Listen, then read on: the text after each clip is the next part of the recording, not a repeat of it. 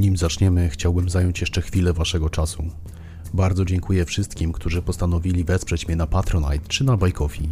Jest to dla mnie bardzo duże wsparcie i to dzięki tym pieniążkom mogę cały czas publikować. A oto osoby, które wsparły mnie w ostatnim czasie. Mateusz, Jakub, Patryk, Joanna, Walery Saga, Joanna, Łukasz, Bartosz, Bożena, Jakub, Szamanka, Roxana, Łukasz, Ibu, Anna i Paweł. Niech bogowie wam wszystkim darzą. Sława.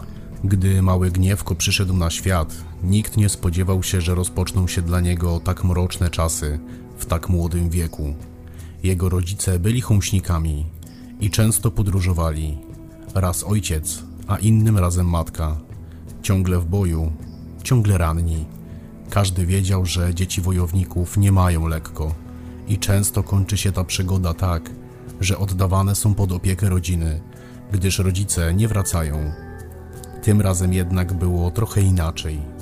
Młodzi rodzice na czas odchowania dziecka odpuścili niebezpieczne życie, by zapewnić gniewkowi wszystko co najlepsze. Wiodło im się całkiem nieźle przez pierwsze tygodnie, jednak z czasem pojawiła się okazja do dużego zarobku. Atak na Normanów, szykowany od bardzo dawna. Chwała i sława dla Słowian była prawie że pewna, dlatego ojciec Gniewka zdecydował się na podjęcie wyzwania. Zabrał najlepszą kolczugę i topór jaki miał i wyruszył w bój, a żona i dziecko zostali sami w domu. Czas był to smutny, bo wieści żadnych nie było od kilku dni i nijak nie wiadomo, czy głowa rodziny powróci, czy nie. Pewnego ciemnego wieczora, gdy niemowlę już spało, matka jego usiadła w rogu chałupy, by odpocząć chwilę. Szykowała małą motankę, by podarować dziecku. By laleczka dbała o jego bezpieczeństwo i zdrowie w tym jak bardzo trudnym świecie. W tym, jakby z centrum wsi, usłyszała śpiewy i odgłosy zabawy. Długo już sama w domu była i zapragnęła wyjść do ludzi pobawić się choć chwilę, porozmawiać, może raz zatańczyć i wracać czym prędzej do domu. Długo gryzła się z sumieniem, czy powinna zostawić gniewka samego. Jednak osamotnienie było silniejsze. Założyła płaszcz i wybiegła. Pośpiech był tak wielki, że nie domknęła nawet drzwi. A temu wszystkiemu z między drzew ktoś się przyglądał. Nie było dobrze widać, ale cień złowrogi był. Takie wrażenie robiła, że mało kto na ten widok by nie uciekł. Postać momentalnie podbiegła do drzwi, wpełzła do środka i już po chwili wybiegła. Trwało to zaledwie parę sekund. Tak, że nikt tego nie zauważył.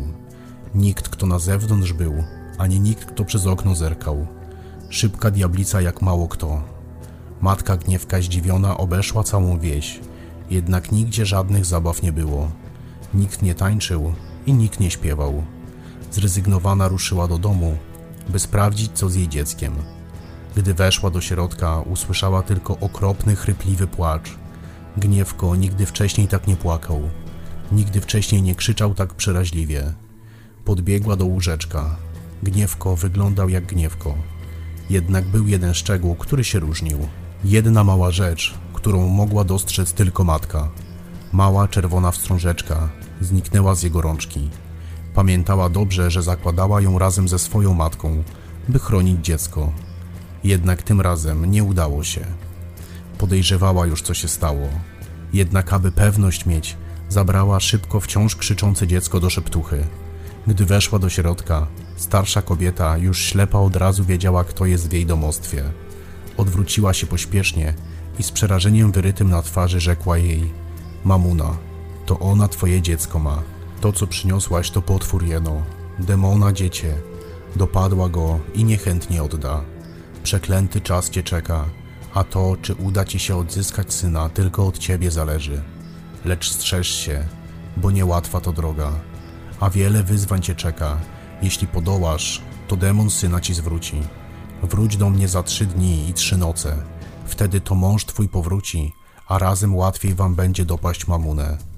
Tak też poczyniła. Trzy doby czekała, słuchając krzyków i lamentów potwora. Gdy wojownik powrócił do domu, żona jego już blisko szaleństwa była. Szybko mu opowiedziała, co się stało, i razem biegiem ruszyli do szeptuchy. Ta opowiedziała im, jakie szanse mają i co uczynić trzeba. A dróg jest kilka i tylko ich wola jaką wybiorą. Mogli pogodzić się ze stratą dziecka, mogli wyrzucić dziecko mamuny i modlić się do bogów, by ta zlitowała się nad swym dzieciem i powróciła po nie.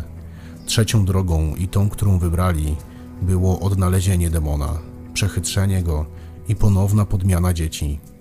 Ta droga jednak najtrudniejsza była, bo mamunę niełatwo znaleźć, skrywa się sprytnie bardzo, a jeszcze trudniej odciągnąć ją od dzieci. Jednak uznali, że to najbezpieczniejsze, co mogą zrobić, by syna ratować. Wrócili do domu i ponownie uzbroili się w najlepszy oręż, bo nie wiedzieli, czy walka ich czekać będzie, czy jeno sam spryt wystarczy.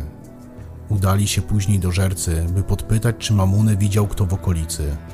Tam usłyszeli historię o dziwnej babie, co na okolicznych bagnach jest widywana. Szpetna okropnie i dziwnie jej z oczu patrzy, jakby całe zło świata w niej żyło. Wtedy to wiedzieli już, gdzie się udać. Tak też wyruszyli w podróż, by gniewka ocalić, by odzyskać dziecko. Gdy dotarli do bagien, nie dostrzegli nic dziwnego. To jednak ich nie zniechęciło. Zaczaili się w krzakach i czekali. Jeden dzień i nic. Drugi dzień i nic. Dopiero czwartego dnia dostrzegli, że po zmroku coś po bagnach zaczyna krążyć, a marodziło pod nosem tak, że uszy bolały. Nie atakowali jednak, nie krzyczeli, nie błagali. Czekali cierpliwie, aż potwór pokaże, gdzie leże ma swoje, by wiedzieć, gdzie szukać syna. Po dwóch godzinach mamuna zaczęła kierować się do legowiska, a oni ruszyli za nią. Okropne miejsce to było. Wilgotna dziura w ziemi, a ziało z niej złem na kilometr. Gdy demon zlazł do środka, oni wciąż czekali cierpliwie. Bali się, że gdy zaatakują, ona ukrzywdzi ich dziecko, a tego zaryzykować nie mogli. Tym razem jednak szybko wyszła ponownie, bo już drugiego dnia nocą. Wtedy to matka wskoczyła do środka, by ocalić syna. Ojciec zaś stanął przed wejściem i czekał, by w razie co zaatakować. Potrzeby jednak takiej nie było. Wyszła z gniewkiem na rękach i ruszyła biegiem w stronę domu.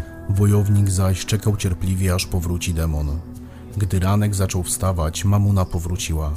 Wojownik dobył topora, a ona wiedziała już, co się stało. Zaczęła przeraźliwie krzyczeć, tak, że przedzierał ten krzyk na wskroś. Woj jednak nie ugiął się. Wyjął szybko linę i schwytał demona momentalnie. Związał ją i zaczął wlec w stronę wsi.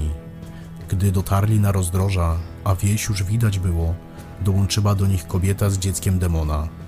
Gdy mamuna dostrzegła, że szans żadnych nie ma, zamilkła i opuściła głowę, czekając na karę. Oni jednak nie planowali jej zabijać. Nie chcieli, by dziecko bez matki ostało się samo. Położyli dziecko tuż obok niej i rozcięli więzy. Stanęli na drodze do wsi z orężem w dłoni w razie jakby atakować chciała. Ta jednak podniosła swe dziecię z ziemi, spojrzała im w oczy ostatni raz, a widać w nich łzy było. Odwróciła się i uciekła czym prędzej. Oni zaś wrócili do gniewka swego i nie zostawili go już nigdy nawet na moment, by już nigdy historia ta nie powtórzyła się. Tak oto żyją spokojnym życiem we troje, a już niedługo we czworo, wiedząc, że nieodpowiedzialnie to zostawiać kogoś tak bezbronnego, bez opieki.